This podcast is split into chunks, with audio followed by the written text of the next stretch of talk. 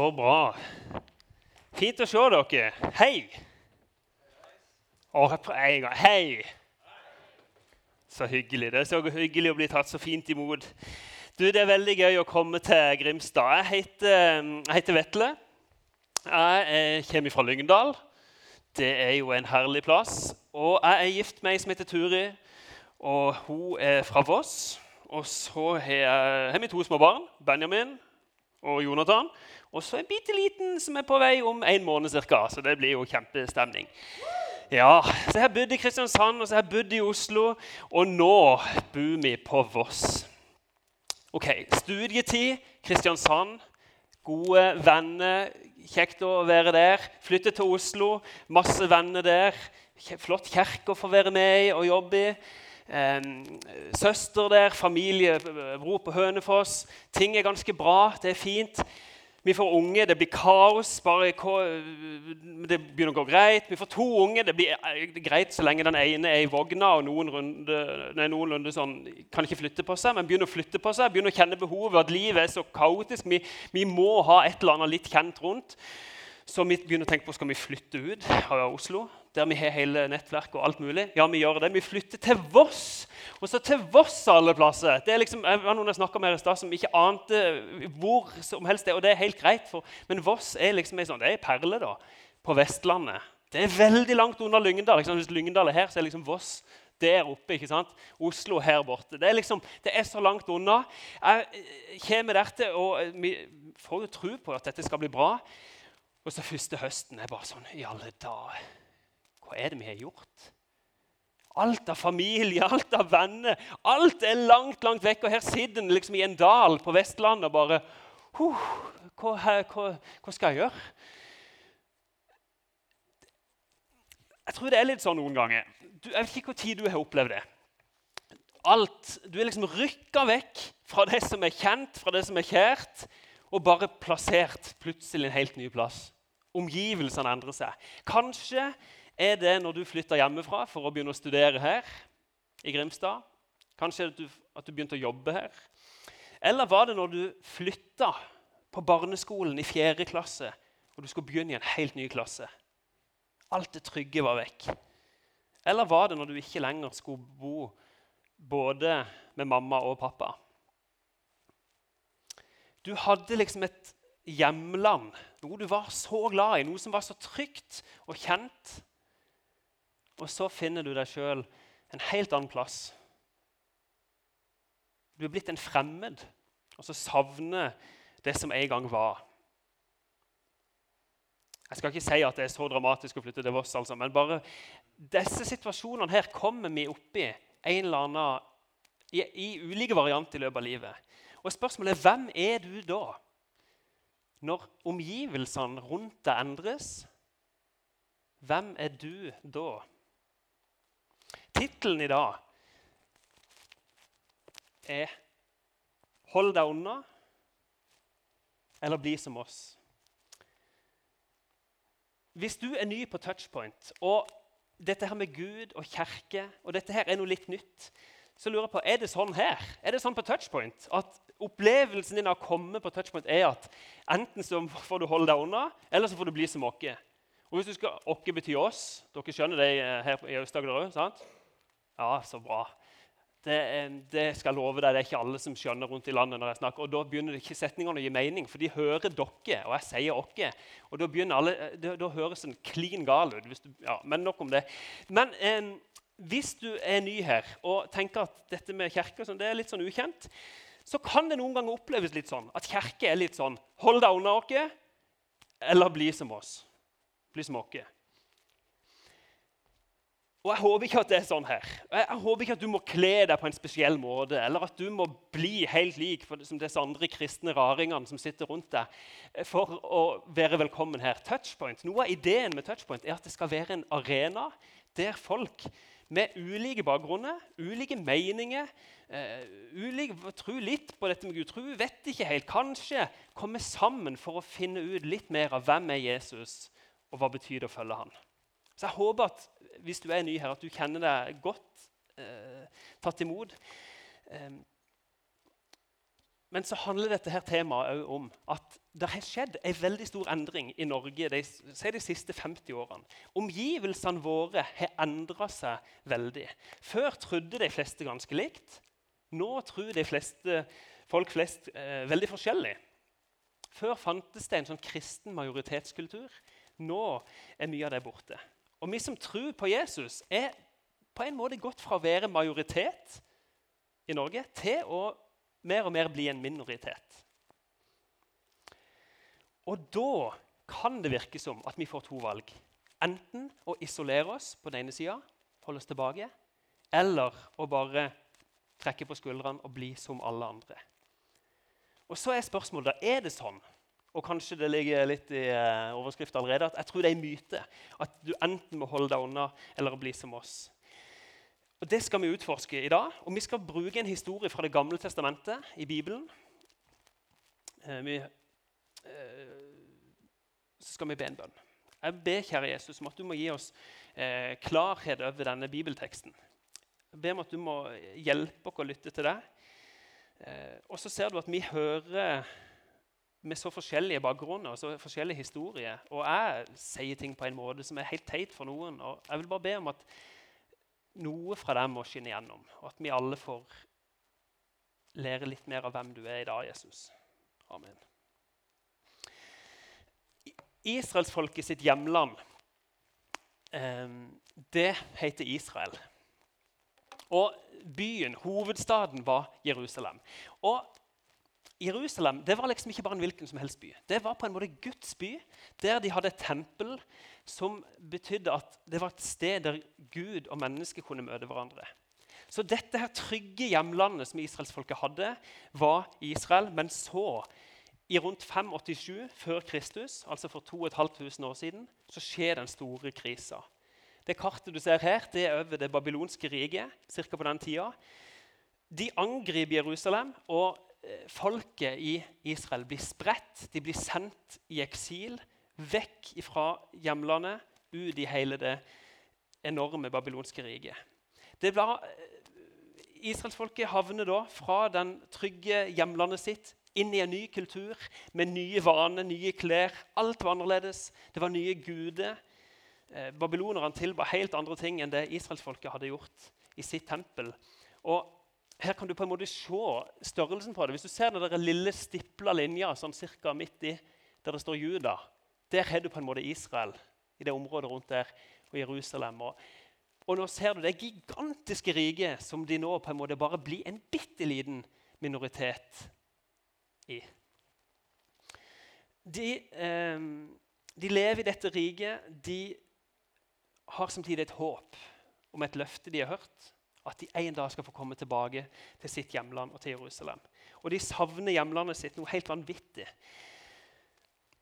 Og så må jo da israelsfolket gjøre noen valg i denne situasjonen, i et fremmed land. Hva gjør de?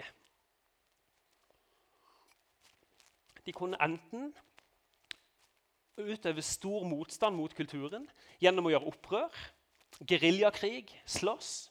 Eller de kunne gjøre motstand gjennom å isolere seg. Det er bare å holde seg unna. Lage sin egen trygge getto, sitt eget trygge fellesskap. Og ikke ha noe kontakt med resten av kulturen i det babylonske riket. Eller så kunne de bli som babylonerne. Bli som oss. Slappe av, nyte livet, senke skuldrene. Tenk at ja, det er jo ikke så nøye hva du tror på, så lenge du har et godt og lykkelig liv. Og så gjør det som er forventa av alle gode borgere i Babylon, inkludert det å tilbe Babylon sine guder. Hold deg unna, eller bli som oss. Det kunne veldig gjerne blitt et av de to alternativene. Så hørte vi en bibeltekst til åpning i stad av en profet. En profet det er en som, som eh, Gud på en måte sender for å formidle et budskap til oss mennesker. Og Han her heter Jeremia, og der får vi høre at når israelsfolket er i dette eksilet, så kommer Jeremia som profet og sier til dem fritt gjengitt. Slå dere ned i Babylon. Bu skikkelig der. Bygg hus, hage. Få masse barn. og eh, Få dere familie. Og søk byens fred og velstand. Så står det til slutt For når det går bra med byen, så går det bra med dere òg. Dette er på en måte en sånn tredje vei. Folket fikk beskjed om ikke dann gerilja og gjør opprør, men heller ikke isoler dere, og ikke forlat deres egen tro. Lev i en sånn kreativ spenning. Tilbe Gud, men gjør det dere kan for at livet i Babylon blir så bra som bare mulig så lenge dere er i eksil. Det var på en måte beskjeden fra Gud til disse her.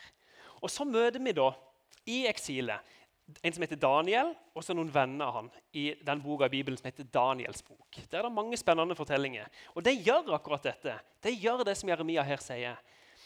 Eh, Daniel han er fra kongelig slekt i Israel. Han er høyt oppe, det betyr at han er høyt utdanna.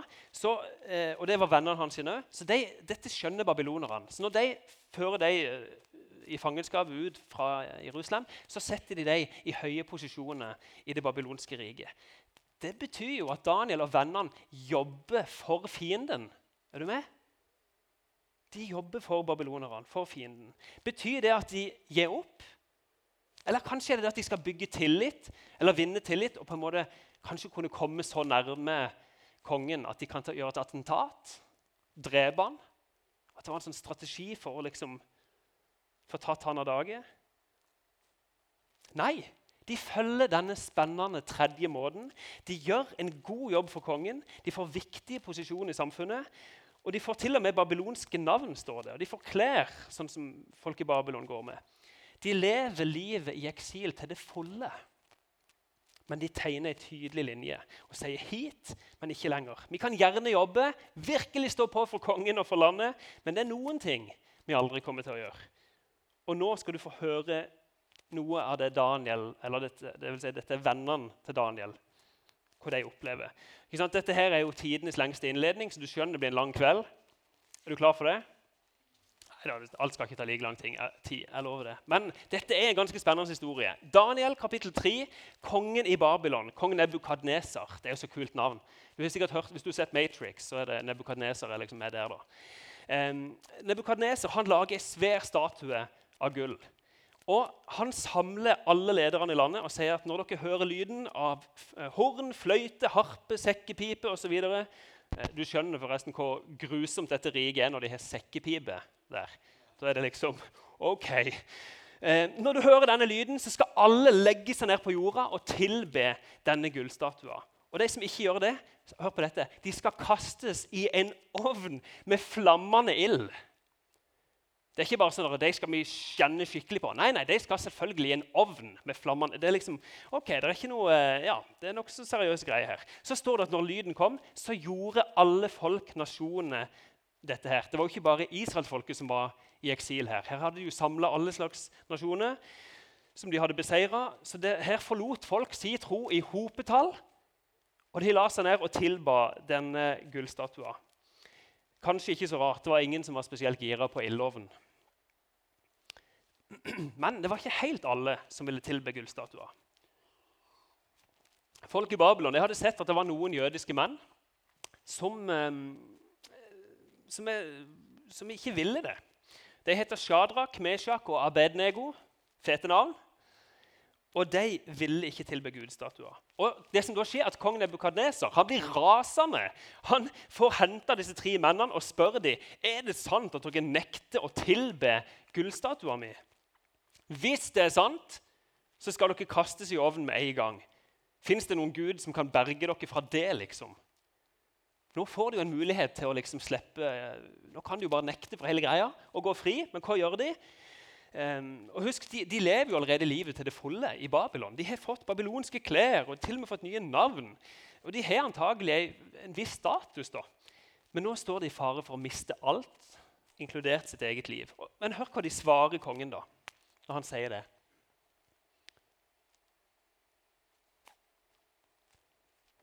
Vi behøver ikke svare deg på dette. Om det er en gud som vi dyrker, kan berge oss ut fra ovnen med flammen ild, og fra din hånd, konge, så vil han berge oss. Hæ? Her står det om livet ditt. Og Du møter den mektigste mannen i det enorme riket vi akkurat har sett. Og dette er svaret. Og så stopper de ikke der. Hva sier de videre? Og om han ikke gjør det, så skal du vite, konge, at vi likevel ikke vil dyrke din Gud og ikke tilbe gullstatuen du har reist. What?! Kongen blir jo rasende, og det står at hele ansiktet ble fordreid. noe sånn. Et eller annet sånn, sannsynligvis, sier arkeologene. Eh, neida. Eh, og de fyrer opp denne ovnen sju ganger så sterkt som de pleier. Han, han, er jo rasende, og det blir så varmt at når de da kaster, de, det ender jo med at de kaster disse tre i ildovnen. Og det står at det blir så varmt at de to-tre mennene som skal liksom hive det i ovnen, de dør idet de skal liksom kaste inn, for det, det, er så enormt varmt. Og de blir, he, eh, blir bonde og kasta i ildovnen. Ja. Og det er noen kunstnere som tenker seg at det kanskje ser omtrent sånn ut. Men der er det jo noe rart. Kongen spør var det ikke tre menn vi bandt og kasta i ilden. Jo da, fikk han til svar.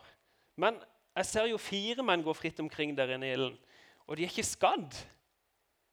Fjer, eh, den fjerde ser ut som en gudesønn. Kongen gikk nærmere og ropte, Sjadrak, Meshak og Abednego, dere tjenere for Gud den høyeste, kom ut hit. Og alle lederne som var der, de stimler sammen, og til sin forskrekkelse så ser de at ilden ikke har brent så mye som et hår på hodet de sitt. Og Det lukter ikke engang brent av de som står der. Ganske utrolig. Og da sier kongen Velsignet er Shadrach, Meshach og Abednegos Gud, som har sendt sin engel og berga sine tjenere. De satte sin lit til ham og trosset kongens befaling. De våget livet for å slippe å dyrke eller tilbe noen annen gud enn sin egen. Og Så kommer kongen med en trussel om å kappe opp i biter alle de som håner Gud. Eh, han hadde ikke blitt en helt vanlig sørlandskristen ennå. altså. Eh, og Det ender med at Shadrach, Meshach og Abednego får høye stillinger i Babel. Det er så interessant. De gjør ikke opprør. De tok ikke til våpen. De isolerer seg heller ikke fra kulturen og lager sin egen getto. De lever livet der til det fulle. Men de gir ikke opp og tenker ja, ja, alle de andre lever jo sånn, så da kan vel jeg òg. Nei, de nekter å bøye seg for babylonerens gud. De satte en tydelig strek og sa 'hit, men ikke lenger', og var til og med villige til å dø for det de trodde på. De levde i denne kreative spenninga. Det er jo et mirakel, dette her. Det går ikke an å overleve noe sånn. Men hvis det fins en gud som har starta the big bang, som har skapt livet på vår jord, så er det ikke umulig å tenke seg at han òg kan skåne mennesket fra ild. Det burde ikke være noe stort problem. Men har denne historien her noe relevans for oss? Vi er jo ikke i eksil, så vidt jeg har funnet. Men jeg tror det er noen ting vi kan ta med oss fra denne fortellinga. For det er noen som har sagt at Babylon det, det trenger ikke å være det konkrete babylonske riket. Men Babylon kan være et symbol på enhver menneskelig institusjon som krever troskap til sin nye definisjon av godt og ondt. Og Da skjønner vi at det ikke lenger bare handler om et, å fysisk være i eksil, men det kan jo handle om, at, om ting i kristen tro som ikke lenger blir akseptert og tolerert i noen land. Det er heldigvis ingen trussel om ildovn her i Norge. Men det er jo en del kristne som opplever solid offentlig uthenging for det de tror på. Shadrach, Meshach og Abednego de hadde reist fra Jerusalem til Babylon. Fra et trygt land med én religion, med en homogen befolkning. Det var liksom oversiktlig og forståelig. Til Babylon. Det er mange religioner, en mangfoldig befolkning. Kaotisk, pluralistisk. Eh, og de var blitt de fremmede. Og For bare noen få tiår siden så var kristen tro en sånn majoritetskultur her i Norge. Og Vi ser massevis av etterlevning av det ennå. Det er ikke det at alt er vekke. ikke det hele tatt. Men på kort tid så ser vi likevel at de som oppgir at de tror på Jesus, på hans død og oppstandelse, og alt det her, er færre og færre. Og vi som gjør det, vi er på en måte blitt de rare, de fremmede. Vi har gått fra å være majoritet til å bli minoritet. På en måte så kan vi si at det har skjedd en bevegelse fra et Jerusalem til et Babylon rundt oss på kanskje bare to-tre to, generasjoner. Og en, Et område vi ser det på, er at veldig mange studenter oppgir at de bevisst, skjuler, eller, bevisst eller ubevisst skjuler trua si på, på, Gud. Og det er jo ikke noe eh, og det tenker jeg, Når så mange skjuler trua si, så må det være en veldig god grunn til det. Og jeg tror det handler om følelsen av å være i minoritet. Jeg vet ikke om du kjenner deg igjen i det?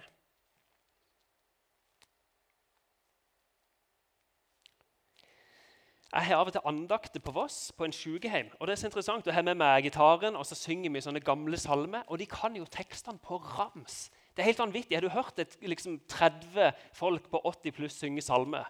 Det er heftig, altså. Det er så mye fascinerende lyder og masse herlig innlevelse. Um, men så hadde vi noen barn på besøk, venner av den ene gutten vår. Og så skulle vi synge 'Og du som etter liten fugl'. Og det var ingen av dem som hadde hørt den før. Det var ikke det at de ikke kunne den, men de hadde ikke hørt den. Og det, Her snakker vi på en måte så kort tid. Vi har gått fra Jerusalem til Babylon på en måte i vårt land på kort tid. Jeg vet ikke hvordan det er her i Aust-Agder, i Grimstad. Den gode nyheten er at akkurat dette har veldig mange opplevd før. Dette er på en måte normalen i verdenshistorien å være i en minoritet. Og Det opplevde Daniel og disse vennene. Eh, og Spørsmålet er jo hva gjør vi Hva gjør vi i, i det vi kan kalle vårt Babylon? Isolerer vi oss? Holder vi oss unna? Eller blir vi sinte og så skriver på Facebook og på kommentarfelt med capslock og viser hvor sinte vi er på samfunnsutviklinga, hvor dårlig dette her gjenger? Eller holder vi troa, troa vår helt for oss sjøl og kanskje gradvis slutter å prioritere det kristne fellesskapet? Eller bli som babylonerne. La troa ryke og leve og tro akkurat som alle andre. Shadrach, Meshach og Abednego de valgte den tredje veien og tenker at vi arbeider gjerne for samfunnet, for kongen, for Babylon. Men vi bøyer oss ikke for noen annen gud. Og vi holder fast på det han har sagt. Og Det var jo et vanvittig mot de viste her. Vanvittig. Og jeg tror det er fire ting vi kan trekke ut som ligger bak det motet de hadde. For det første så var det veldig eh, De hadde en enorm tillit til Gud. De, eh, de, visste så godt at det var ikke penger, forsikringer, posisjon hos kong Nebukadneser eh, som dypest sett sikra dem. Det var Gud. Derfor var de villige til å gå inn i en brennende eldovn for det de trodde på. De vet at til syvende og sist så er det Gud som er herre over liv og død, og ikke mennesket. Og jeg tenker for min egen del, Hvor lett stoler ikke jeg på inntekt, på forsikringer, på velferdsstaten? Alle disse tingene som er bra. Men jeg kan stole på det på en sånn måte at jeg nesten gjør det til Gud i mitt liv. Har jeg bare nok av det, så ordner vel alt seg. Og så hører vi i dag om katastrofalt fall på Oslo Børs, og masse norske arbeidsplasser står i fare. Så vet vi at pengene er så sårbare at det kan aldri bli Gud. Og Uansett hva du studerer eller jobber med, jobben din kommer ikke til å tilfredsstille dine aller dypeste lengsler og behov. De visste at det var Gud som var Gud. Men de var ikke bare tro mot Gud, men de var jo tro mot seg sjøl. Du trenger ikke gå til moderne bloggere for å finne folk som sier du må være deg sjøl, du må være tro mot deg sjøl. Det er jo bare å se på disse her. Alle andre bøyer seg for denne Gud, eh, når den forferdelige sekkepipa alt det andre eh, eh Nei, sekkepipe er et veldig flott instrument. altså. Men, men når alt det her lyden kommer, og de skal falle ned og tilbe, så står de de er tro mot seg sjøl det de tror på sine egne verdier. Når alle andre bøyer seg, så står de rakrygga for sin overbevisning. Og Jeg tror bønn var en viktig ting her. Hvordan får en tillit til Gud? Jeg tror Vi må snakke med han. Vi må bli kjent med han. De ba. Eh, de skjønte at Gud ikke bare var et sånn teoretisk konsept, men det var en erfart virkelighet i de sine liv gjennom bønn. Også denne her var jeg litt fornøyd med. da.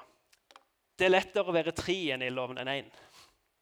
Jeg vet ikke om du er det. Jeg tror, det, er, det er litt sånn, for det er jo ikke lett uansett. ikke sant? Vi er jo enige om det. Men jeg tenker hvis du først skal oppleve noe grusomt, og hvis du først skal oppleve press for det du tror på, så tror jeg det er bedre å være flere enn én, og ikke være alene. Det å kunne backe hverandre. Hvis Obednego tenker æsj, skal vi ikke bare bøye oss for den der teite gullstatua og slippe den ovnen der, så kunne de andre si nei, husk hvem vi er. Vi trenger den støtten og supporten fra hverandre. Og Vi slipper jo denne trusselen om noe illoven, heldigvis. Men det er en del kristne som opplever at det blir mindre plass til å fremme tradisjonelle kristne verdier i mange land. Og det gjelder jo i Norge. Kanskje opplever du det der du er på studiet, der du er på arbeidsplassen din. At det er litt flaut å ha vært på noe kristent. eller? Og jeg tror at Som mennesker så trenger vi hverandre. Og Kirka, touchpoint her, eh, det er gave til oss mennesker. For vi trenger hverandre. Og En annen grunn til at dette her poenget er så viktig, det å være fler, det er jo det at det er så mange ting i Babylon eh, Når vi ikke lenger får hjelp av majoritetskulturen rundt oss, så er det så mange temaer som er så viktig å finne ut av sammen. Og det klarer vi ikke alene. Hva er f.eks. en sunn balanse mellom karriere og familieliv? Du kan ikke bare bla opp i Bibelen og bare ok, fire timer der og to timer der, og så er vi i mål. Det er ikke sånn. Det er ting som du skal bruke eh, oppover visdom til å ta gode valg på. Hvordan en sjonglerer livet på hjemmebane eller med venner og eh, på arbeid. Kjempekrevende. Vi må snakke sammen om det. Eller hvordan tar vi vare på klimaet vårt? Og hva kan jeg gjøre? Eller når det gjelder seksualitet, kjønn, identitet Disse store spørsmålene. Hvem er du, og hva betyr det å leve ut seksualiteten sin på en sunn måte som singel, som kjæreste, som eh, jeg vet ikke, kanskje det blir et eller annet, som gift? Dette er spørsmål som er viktige hele livet. Hva gjør vi med seksualiteten vår? Og vi vet Det står en del ting i Bibelen, men det er en million ting som ikke står. Da må vi snakke sammen og lytte til hverandre og lære i en fortrolig og trygg samtale? Eller hvordan forholder jeg meg til studiet mitt og troa mi? Hvordan henger de to sammen? F.eks. psykologien sin forståelse av religiøs opplevelse. Er det en ressurs for kristen tro, eller er det, en, er det noe skummelt, noe farlig? Det er sånn vi må nøste opp i å snakke om. Eller eh, Harari sin bok 'Sapiens', som har en sånn fascinerende fortelling av hele menneskehetens historie. Masse viktige spørsmål som blir reist, hva tenker vi om det som kristne? Han har en, del teori om hvordan Guds tro blir til. Er det, er det sånn vi tror, hvis det fins en levende Gud som har åpenbart seg? Masse viktige, spennende spørsmål. Eller evolusjonsteorien. Går det an å forene med et kristent syn på hva et menneske er? Kjempespennende og så viktig at vi møtes og snakker om det i ei smågruppe, i ei Connect-gruppe, hjemme på en lunsj eller hva det nå er. Vi må snakke om det her på Touchpoint og i kirke.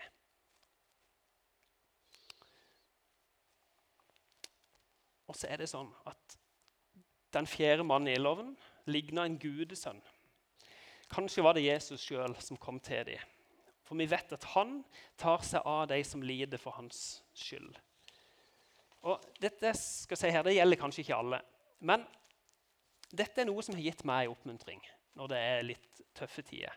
Hvis du er der at du blir sliten av at de kristne tror alltid skal stille spørsmål med, eller kjenner på presset for hva du skal mene om vanskelige temaer, om det er bioteknologi, abort, seksualitet eller hvilket som helst område det er som sliter på akkurat det, så skal du vite at Jesus han kommer til deg akkurat sånn som han kom til disse i loven. Han er der sammen med deg. Og når du kjenner for press på hva du skal tro og mene, og syns det er litt ensomt, så eh, vet at Jesus er kjent enda mer på sin egen kropp helt til døden. Han ble ikke skåna fra, fra ildovnen. på en måte. Han hang på korset for hele verdens skyld. Jesus forstår bedre enn noen hva det er å bli pressa for det en tror på, for meningene sine. Det fjerde og siste punktet. Det som gjorde at Daniel og vennene og de andre holdt ut i eksil, det var håp om at en dag er det over. En dag skal vi hjem. Eksilet, Babylon, er ikke for alltid. Og Sånn er det for, for, for oss òg. Jesus han har gjennom det at han sto opp igjen, pekt på at det er et håp om en oppstandelse fra de døde. Det betyr noe for deg og meg i møte med døden, at vi har et håp. Men det betyr òg noe for hele skaperverket vårt. At det, som Jesus sa, at det skal bli nytt en dag. Det er et håp. Babylon, enhver menneskelig institusjon som omdefinerer rett og galt, godt og ondt, skal ikke vare for alltid. En dag tar det slutt, og det kommer ei enda bedre framtid. Da går vi mot avslutning. For det kan være at du eh, ikke opplever noe press for det du tror på, hvis du er en kristen. Eh, enten om å holde deg unna eller å bli som alle andre. Og da tenker jeg så bra. Flott. Det er jo kjempefint. Eh, men hva, eh, hva, kan du gjøre for de som opplever det, da? Enten det er i andre land eller det er her i Norge. Eller hva om du opplever det om ett år, om fem år eller ti år? Hva skjer da? Hva gjør du da? Det er en myte at du må velge mellom å holde deg unna samfunnet eller å bli som alle andre. Vær til stede med trua di, som den du er, midt i kulturen, på de arenaene der du er. Vær med og gjør Grimstad eller det stedet der du bor, i Aust-Agder eller andre steder, til det beste stedet så lenge du er der. Gjør det beste du kan på studie, på jobb for menneskene her, men vit hvilke guder du må si nei til. Og ta risikoen med å leve i denne kreative spenninga som disse gjorde. Og la kirka og Touchpoint være arena der vi sammen finner ut de krevende tingene sammen. Og et sånn type fellesskap, hvis vi får til å lage det i rammen av Touchpoint og kirke, og, eh, så tror jeg det vil være attraktivt. Langt utenfor men, eh, for på en måte vi som alltid har trodd på Gud. Jeg tror det er et sånn type fellesskap som stiller de spørsmålene, er attraktivt for veldig, veldig mange unge voksne i vår tid. Helt til slutt så er det Jesus som er frelseren vår. Det er ikke hvor godt vi lykkes i eksilet. Om vi alltid klarer å leve perfekt i denne spenninga, alltid ta de rette valgene osv. Det er Jesus som er vår redning. Det er han vi ser til. Det er han som bærer oss når vi er i eksilet. Og vi ber om at han må vise vei. Ber til slutt. Kjære Jesus, takk at du har gitt oss eksempler på mennesker som har levd i en situasjon der de måtte finne ut hva det betyr å tro på deg når storsamfunnet ikke alltid legger til rette for det. Jesus, jeg vil be om at du må hjelpe oss til å leve livene våre på en måte som blir til glede for deg og for medmenneskene våre i, eh, her i Norge, på en måte som ærer deg. Takk at du er nær, særlig de dagene vi kan føle oss små og alene. Og takk for håpet du har gitt oss, Jesus. Amen.